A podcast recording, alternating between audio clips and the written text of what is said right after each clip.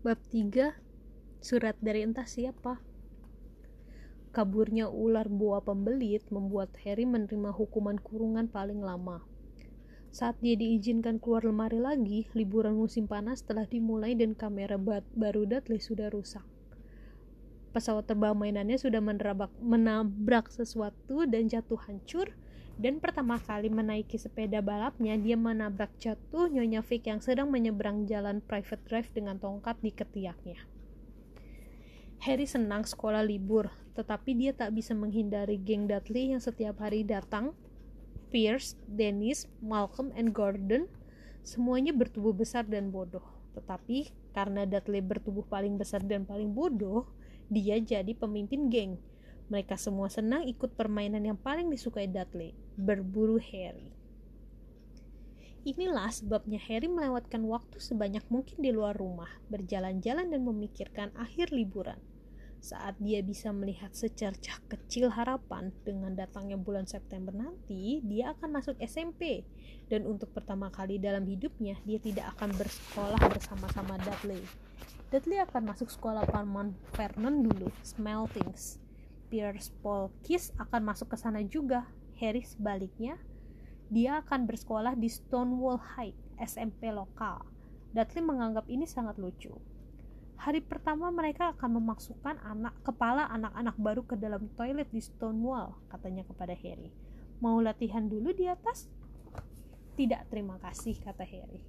Kasihan toilet belum pernah kemasukan benda lain yang lebih mengerikan daripada kepalamu. Jangan-jangan toilet itu sekarang sedang mual. Kemudian Harry lari, lari sebelum Dudley bisa mencerna ucapannya tadi.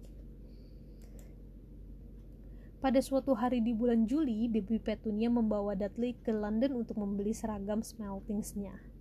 Harry dititipkan di rumah Nyonya Vic. Nyonya Vic tidak separah biasanya, ternyata kakinya patah gara-gara dia tersandung salah satu kucingnya.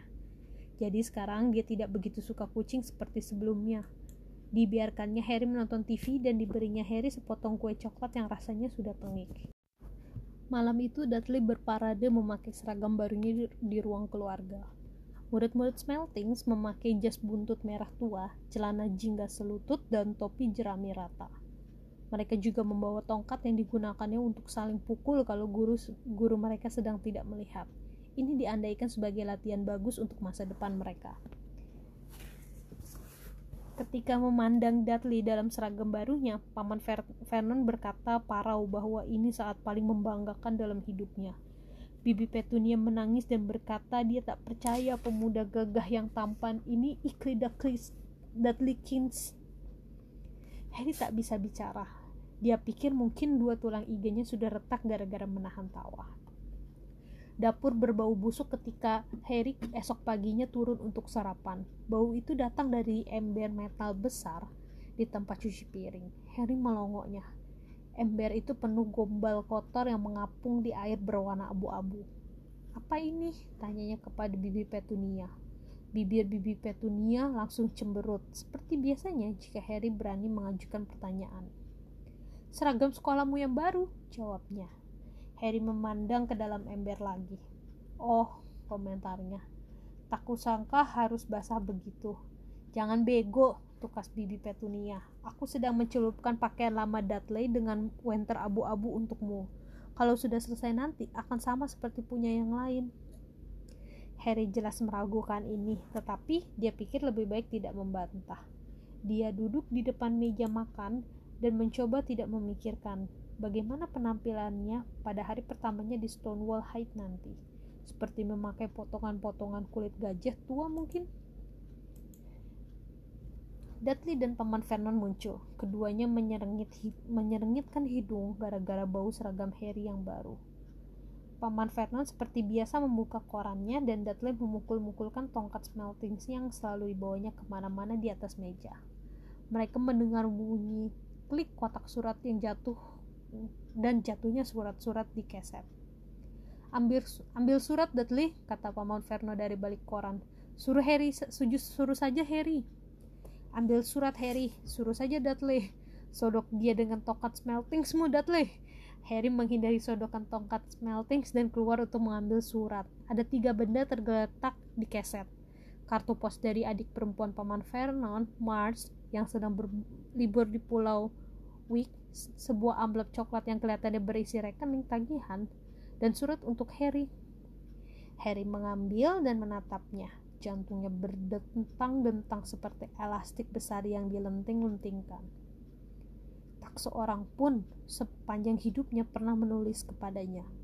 Siapa yang akan menyuratinya? Dia tak punya teman, tak punya keluarga lain. Dia juga bukan anggota perpustakaan mana pun. Jadi, dia bahkan belum pernah dapat surat teguran kasar untuk segera mengembalikan buku yang dipinjamnya. Tetapi ternyata ini ada surat yang jelas-jelas ditunjukkan kepadanya. Mr. H. Potter, lemari di bawah tangga, Private Drive nomor 4, Little Wingning, Surrey. Amplopnya tebal dan berat, terbuat dari perkamen, kulit yang digunakan sebagai pengganti kertas. Warnanya kekuningan dan nama serta alamatnya ditulis dengan tinta hijau zamrud. Tak ada perangkonya. Membalik amplop itu dengan tangan gemetar, Harry melihat segel ungu berlambang bergambar lambang huruf H besar yang dikelilingi singa, elang, musang, dan ular.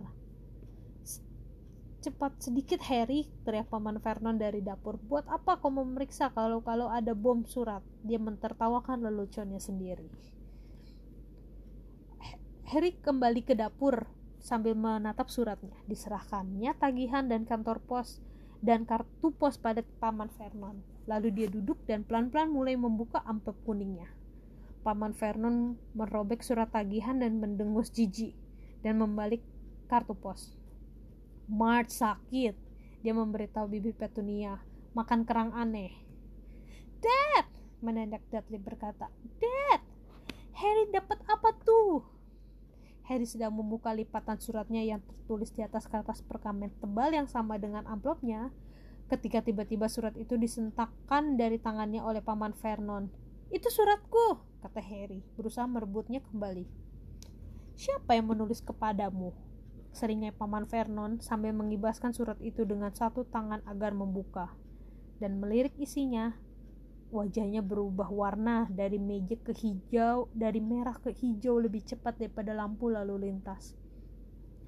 Dan tak berhenti di situ, dalam sekejap saja warnanya sudah putih abu-abu seperti bubur busuk.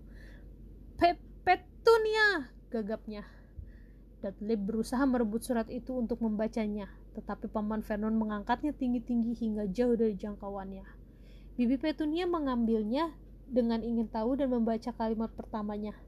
Sesaat kelihatannya dia akan pingsan. Dia memegangi lehernya dan mengeluarkan suara seperti tercekik.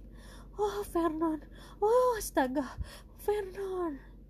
Mereka berpandangan Tampaknya lupa bahwa Harry dan Dudley masih berada di ruangan yang sama. Dudley tak biasa diabaikan.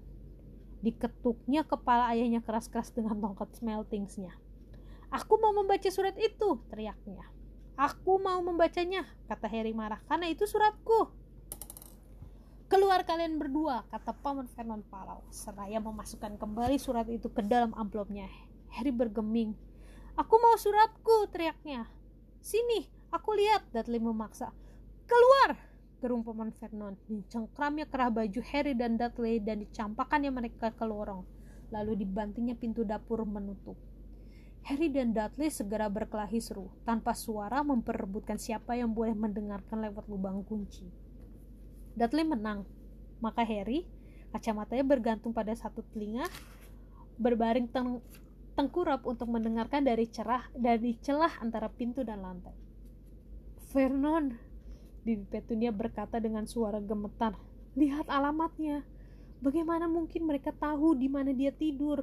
Apa menurutmu mereka mengawasi rumah kita? Mengawasi, memata-matai, mungkin juga membutuhkan kita, kumam paman Vernon cemas. Tapi apa yang harus kita lakukan, Vernon? Apakah sebaiknya kita balas? Kita katakan bahwa kita tidak ingin. Harry bisa melihat sepatu paman Vernon yang hitam mengkilam mondar-mandir di dapur. Tidak, katanya akhirnya. Tidak kita abaikan saja. Jika mereka tidak mendapat balasan, ya itu yang paling baik. Kita tidak akan melakukan apa-apa. Tetapi, aku tak mau dengar Petunia, bukankah kita sudah bersumpah waktu mengambilnya bahwa kita akan membasmi omong kosong yang berbahaya itu. Sore itu sepulang kerja, Paman Vernon melakukan sesuatu yang belum pernah dilakukannya. Dia mengunjungi Harry di dalam lemarinya. Mana suratku? Tanya Harry pada begitu Paman Vernon berhasil menjejalkan diri melewati pintu. Siapa yang menulis kepadaku? Tidak ada. Surat itu keliru dialamatkan padamu, kata Paman Vernon pendek. Sudah kubakar. Tidak keliru, kata Harry berang. Di alamatnya tertulis lemariku. Diam, rong Paman Vernon dan dua ekor laba-laba terjatuh dari langit-langit lemari. Dia menarik napas beberapa kali dan kemudian memaksakan wajahnya tersenyum. Kelihatannya memelas sekali. Uh, Harry, tentang lemari ini, bibimu dan aku sudah berpikir-pikir. Kau sebetulnya sudah terlalu besar untuk tinggal di sini. Kami rasa lebih enak jika kau pindah ke, ka ke kamar Dudley yang satunya. Kenapa? tanya Harry. Jangan tanya-tanya, tungkas pamannya. Bawa barang-barangmu ke atas sekarang. Rumah keluarga Dursley punya empat kamar, satu untuk paman Vernon dan bibi Petunia, satu untuk tamu. Biasanya adik paman Vernon March satu satu adalah kamar tidur Dudley dan satunya lagi tempat Dudley menyimpan mainan dan barang-barang yang tidak muat ditaruh di kamar tidurnya. Harry hanya perlu sekali angkut untuk memindahkan barang-barangnya dari lemari ke kamar ini. Dia duduk di tempat tidur dan memandang berkeliling. Hampir semua barang di kamar ini rusak. Kamera baru sebulan yang kamera yang baru sebulan tergeletak di atas tank kecil yang ketika dikendarai Dudley pernah melindas anjing tetangga. Di sudut ada televisi pertama Dudley yang ditendangnya sampai bolong ketika acara favoritnya batal ditayangkan. Ada sangkar burung besar, dulunya sangkar seekor burung nuri yang kemudian ditukar Dudley di sekolah dengan senapan angin betulan. Senapan itu sekarang ada di rak. Larasnya bengkok kedudukan Dudley rak-rak lain penuh buku. Hanya buku-buku itulah tampaknya tak pernah tersentuh. Di bawah terdengar Dudley berteriak-teriak kepada ibunya. Aku tak mau dia di sana. Aku butuh kamar itu. Suruh dia keluar. Harry menghela napas dan membaringkan diri di tempat tidur. Kemarin dia akan bersedia memberikan apa saja untuk bisa berada di kamar ini. Hari ini dia lebih memilih berada kembali di lemarinya dengan surat itu daripada di sini tanpa surat Paginya saat sarapan semuanya agak diam. Dudley uring-uringan. Dia sudah menjerit-jerit, memukuli ayahnya dengan tongkat smeltingsnya. Pura-pura sakit, menendang ibunya, melempar kura-kuranya ke atap rumah kaca sampai atap itu berlubang. Tapi tetap saja dia tidak memperoleh kembali kamarnya. Harry merenungkan saat jam begini kemarin dan menyesal sekali kenapa dia tidak membuka suratnya sewaktu masih di lorong. Paman Vernon dan Bibi Petunia saling pandang dengan wajah keruh. Ketika kan, ketika tukang pos tiba, Paman Vernon dan kelihatannya mencoba berbalik berbaik-baik kepada Harry, menyuruh Dudley mengambil surat. Mereka mendengar Dudley memukul-mukul tongkat smeltingsnya sambil turun ke lorong. Kemudian dia berteriak, "Ada surat lagi, Mister H. Potter, kamar paling kecil, private drive nomor 4. Dengan pakik tertahan, Paman Vernon melompat dari kursinya dan ber berlari turun. Harry di belakangnya. Paman Vernon harus memiting Dudley ke lantai untuk merebut surat itu, dan itu makin sulit dilakukan karena Harry mengalungkan tangan ke leher Paman Vernon dari belakang. Setelah semenit pergulatan kalang kabut dan semuanya kena pukul tongkat smeltings, Paman Vernon bangkit berdiri tersengal-sengal dengan surat Harry terpegang erat di tangannya. Kembali ke lemarimu, maksudku kamarmu, desisnya kepada Harry. Dudley, pergi, pergi. Harry berjalan bolak-balik mengitari kamar barunya. Ada yang tahu dia sudah pindah dari lemarinya, dan mereka lupanya tahu dia belum menerima surat pertamanya. Jelas, itu berarti mereka mencoba lagi, dan kali ini dia akan memastikan mereka tidak akan gagal. Dia punya rencana. Jam waker yang sudah dibetulkan berdering pukul 6 keesokan paginya. Harry cepat-cepat mematikannya dan berganti pakaian tanpa menimbulkan suara. Jangan sampai keluarga Dursley terbangun. Diam-diam dia turun tanpa menyalakan lampu satupun. Dia akan menunggu tukang pos di sudut private drive dan mengambil surat surat untuk nomor 4 terlebih dahulu. Jantungnya berdegup kencap, kencang saat merayap di lorong gelap menuju pintu depan. Ah! Harry kaget dan terlonjak. Dia menginjak sesuatu yang besar dan empuk di keset, sesuatu yang hidup.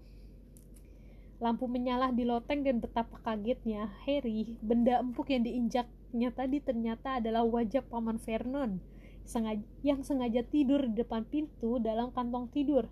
Jelas dia bermaksud menghalangi Harry melakukan apa yang akan dilakukannya. Selama kira-kira setengah jam, dia memarahi Harry, kemudian menyuruhnya membuat secangkir teh. Harry terseok sedih ke dapur, dan pada saat dia kembali, surat sudah datang, jatuh persis di pangkuan Paman Vernon. Harry bisa melihat tiga surat yang alamatnya ditulis dengan tinta hijau. Berikan, dia baru mau bicara, Paman Vernon sudah merobek-robek surat itu di depan matanya. Paman Vernon tidak ke kantor hari itu. Dia tinggal di rumah dan memaku kotak suratnya. Kalau mereka tidak bisa mengirim surat, mereka akan menyerah. Dia menjelaskan kepada Bibi Petunia dengan mulut penuh paku. Aku tak yakin, Vernon. Oh, cara berpikir orang-orang ini aneh, Petunia. Tidak seperti kita, kata Paman Vernon sambil memaku paku dengan sepotong kue buah yang baru saja dibawakan Bibi Petunia. Hari Jumat tak kurang dari 12 surat untuk Harry datang. Karena tak bisa dimasukkan ke dalam kotak surat, surat-surat itu disorongkan di bawah pintu, disisipkan di celah pintu dan beberapa di antaranya bahkan dijejalkan lewat jendela kecil di toilet bawah. Paman Vernon tinggal di rumah lagi setelah membakar semua surat itu. Dia mengeluarkan palu dan paku dan menutup semua celah di pintu depan dan belakang dengan papan sehingga tak seorang pun bisa keluar. Dia bersenandung berjingkat di antara tulip sambil bekerja dan terlonjak jika ada bunyi sekecil apa pun. Hari Sabtunya, yang terjadi sudah di luar kendali. 24 pucuk surat untuk Harry berhasil diselundupkan masuk ke rumah. Digulung dan disembunyikan dalam dua lusin telur yang dijulurkan tukang susu mereka yang sangat kebingungan kepada Bibi Petunia lewat jendela ruang keluarga. Sementara Paman Vernon marah-marah menelepon kantor pos dan perusahaan susu mencari orang yang bisa disalahkan. Bibi Petunia mengecurkan surat-surat itu dalam mixer makanannya. Siapa sih yang begitu ingin bicara denganmu? Dudley bertanya dengan kepada Harry dengan keheranan. Pada hari Minggu pagi, Paman Vernon duduk di meja untuk sarapan. Kelihatan lelah, tetapi senang tukang pos tidak datang pada hari Minggu. Dia mengingatkan mereka dengan riang ser seraya mengoleskan selai pada korannya. Jadi tak ada surat sialan hari ini. Ada yang berdesis meluncur dalam cerobong asap ketika Paman Vernon bicara dan mengemplang belakang kepalanya. Detik berikutnya, 30 atau 40 surat meluncur dari perapian seperti peluru. Keluarga Dasli menunduk menghindari, tetapi Harry melompat mencoba menangkap satu di antaranya. Keluar! Keluar! Paman Vernon menangkap pinggang Harry dan melemparnya ke lorong di luar. Setelah Bibi Petunia dan Dudley keluar dengan lengan menutupi muka, Paman Vernon membanting pintu menutup. Mereka bisa mendengar surat-surat masih mengalir ke dalam ruangan, melenting-lenting mengenai dinding dan lantai. Sudah kelewatan, kata Paman Vernon, berusaha bicara dengan tenang. Tapi pada saat bersamaan mencabuti kumisnya dengan panik. Aku mau kalian semua kembali ke sini lima menit lagi, siap berangkat. Kita akan pergi, bawa saja pakaian secukupnya, jangan membantah. Paman Vernon kelihatan berbahaya sekali dengan separuh kumisnya lenyap, sehingga tak seorang pun berani membantahnya. Sepuluh menit kemudian, mereka berhasil keluar dari pintu yang dipaku rapat dan berada dalam mobil yang mengebut menuju jalan tol. Dudley terisak di jok belakang. Ayahnya tadi memukul kepalanya gara-gara mereka harus menunggunya mencoba menjejalkan televisi, video, dan komputernya dalam tas olahraga. Mobil terus meluncur, terus meluncur, bahkan Bibi Petunia tak berani bertanya ke mana mereka pergi. Sekali-sekali Paman Vernon tiba-tiba menikung tajam dan meluncurkan mobilnya ke arah berlawanan. Sesatkan mereka, sesatkan mereka, gumam Paman Vernon setiap kali dia melakukan ini. Mereka bahkan tidak berhenti untuk makan sepanjang hari. Saat malam tiba, Dudley sudah menangis meraung-raung. Belum pernah dia mengalami hari seburuk ini. Dia lapar dan tidak bisa menonton lima acara TV yang ingin ditontonnya. dan belum pernah dia melewatkan waktu selama itu tanpa meledakkan alien di layar komputernya. Paman Vernon akhirnya berhenti di depan hotel suram di sebuah kota besar. Dudley dan Harry berbagi kamar dengan dua tempat tidur dan spray lembab yang berbau lumut. Dudley mendengkur, tetapi Harry tak bisa tidur. Dia duduk di ambang jendela, memandang lampu-lampu mobil lewat dan bertanya-tanya dalam hati. Mereka makan konvek melempem dan tengik serta tomat kalengan di atas roti panggang sebagai sarapan keesokan harinya. Baru saja mereka selesai, pemilik hotel mendatangi meja mereka. Maaf, tapi apakah salah satu dari kalian adalah Mr. H. Potter?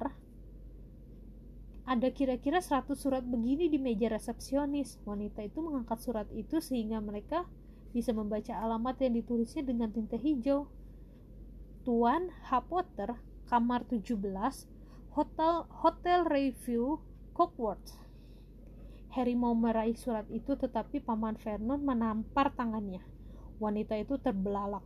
Saya akan ambil, kata paman Vernon. Cepat-cepat berdiri dan mengikutinya meninggalkan ruangan makan. Apakah tidak sebaiknya kita pulang saja sayang? Bibi Petunia menyarankan dengan takut-takut. Beberapa jam kemudian. Tetapi paman Vernon kelihatannya tidak mendengarnya entah apa yang dicarinya. Tak seorang pun tahu. Dia membawa mereka ke tengah hutan, keluar dari mobilnya, memandang berkeliling, menggelengkan kepala, masuk lagi ke dalam mobil, dan mobil pun meluncur lagi. Hal yang sama terjadi di tengah sawah yang sedang dibajak, di tengah jembatan gantung, dan di atas dan di atas tempat parkir mobil yang bertingkat. Dedi sudah gila ya, Dudley bertanya kepada Bibi Petunia sore itu. Paman Vernon telah memarkir mobilnya di tepi pantai, mengunci mereka bertiga di dalamnya, lalu menghilang. Hujan mulai turun, tetesnya besar-besar, mengetuk-ngetuk ke atap mobil. Dudley terseduh. Ini hari Senin, katanya kepada ibunya. Ada acara si hebat Humberto di televisi malam ini. Aku mau nonton. Senin, Harry jadi ingat sesuatu kalau hari ini Senin dan Dudley bisa diandalkan dalam hal ini sehubungan dengan kegemarannya menonton televisi.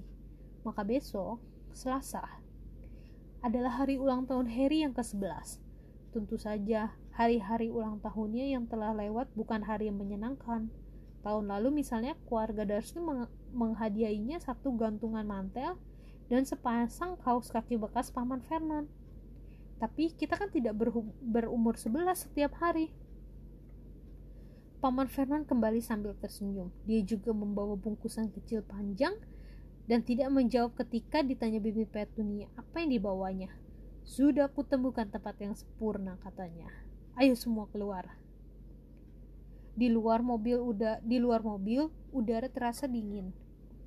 Paman Vernon menunjuk sesuatu yang kelihatannya seperti batu karang besar yang menjorok menjorok ke laut. Bertengger di atas karang itu ada gubuk kecil yang sangat kumuh dan bobrok. Kelihatannya menyedihkan sekali. Satu hal yang sudah jelas, tak ada televisi di gubuk itu. Malam ini diramalkan akan ada badai, kata Paman Vernon senang sambil menepukkan tangannya. Dan bapak ini sudah berbaik hati mau meminjamkan perahunya. Seorang laki-laki tua ompong berjalan mendekati mereka. Sambil menyeringai jahat, dia menunjuk perahu dayung tua yang terapung-apung di air abu-abu gelap di bawah mereka. Aku sudah beli bekal untuk kita, kata Paman Vernon. Naik. Jadi semua naik. Dingin sekali di dalam perahu sampai mereka serasa membeku. Cipratan air laut dan tetes hujan sedingin es merayapi menuruni tengkuk dan angin dingin menerpa wajah mereka serta rasanya berjam-jam kemudian tibalah mereka di batu karang. Paman Vernon terpleset terpleset-pleset memimpin menuju ke gubuk reot itu. Bagian dalam gubuk sungguh menjijikan, bau ganggang laut menyengat, angin bersuit-suit menembus celah-celah di dinding papan, perapian yang lembab dan kosong, hanya ada satu kamar. Bekal paman Vernon ternyata sebungkus keripik dan empat pisang untuk setiap orang. Dia mencoba menyalakan api, tetapi keempat bungkus keripik sudah kosong dan cuma mengerut dan asap. Surat-surat itu sekarang bisa digunakan. Paman Vernon jelas sedang senang sekali. Jelas dia mengira tak akan ada orang yang bisa mengejar mereka dalam badai untuk mengantar surat. Harry dalam hati mengakui, dan ini membuatnya sedih. Ketika malam tiba, badai yang dijanjikan menerjang di sekitar mereka. Cipratan air dari ombak-ombak yang bergulung tinggi menyembur ke dinding pondok dan angin kencang mengguncang-guncangkan jendela-jendela yang kotor. Bibi Petunia menemukan beberapa selimut apak bulukan dari kamar dan menyiapkan tempat tidur untuk Dudley di sofa yang sudah berlubang-lubang dimakan ngengat. Dia dan Paman Vernon tidur di tempat tidur reot di kamar, dan Harry dibiarkan mencari sendiri tempat paling empuk di lantai dan meringkuk di bawah selimut paling tipis dan paling compang-camping. Semakin malam, badai mengamuk semakin hebat. Harry tak bisa tidur, dia gemetar kedinginan dan membalikan tubuhnya. Mencoba mencari posisi paling nyaman. Mencoba mencari posisi yang lebih nyaman. Perutnya yang lapar keloncongan, dengkur Dudley teredam dengan gemuruh gemuruh guru yang mulai menggelegar menjelang tengah malam. Jarum arloji Dudley menyalah tangan gemuknya yang memakai arloji berjuntai ke bawah sofa, menunjukkan bahwa 10 menit lagi Harry akan berusia 11 tahun. Dia berbaring mem memandangi saat ulang tahunnya yang berdetik-detik semakin de semakin dekat. Bertanya-tanya, apakah keluarga Dursley akan ingat soal ulang tahunnya? Bertanya-tanya, di manakah gerangan orang yang menulis suratnya kepadanya sekarang? Lima menit lagi, Harry mendengar sesuatu yang berkriut di luar. Dia berharap atap gubuk tidak akan runtuh, walaupun kalau iya, dia mungkin akan lebih hangat.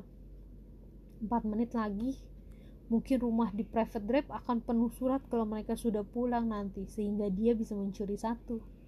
Tiga menit lagi, obakkah itu yang menghantam karang begitu keras? Dan dua menit lagi, bunyi derak. Aneh apa itu? Apa karangnya remuk dan berjatuhan ke laut? Semenit lagi dia akan berusia 11 tahun. 30 detik, 20 detik, 10, 9, oh mungkinkah dia akan membangunkan Dudley sekedar supaya Dudley marah saja. 3, 2, 1, boom! Seluruh gubuk bergetar dan Harry langsung duduk tegak, memandang pintu. Ada orang di luar pintu menggedor-gedor mau masuk.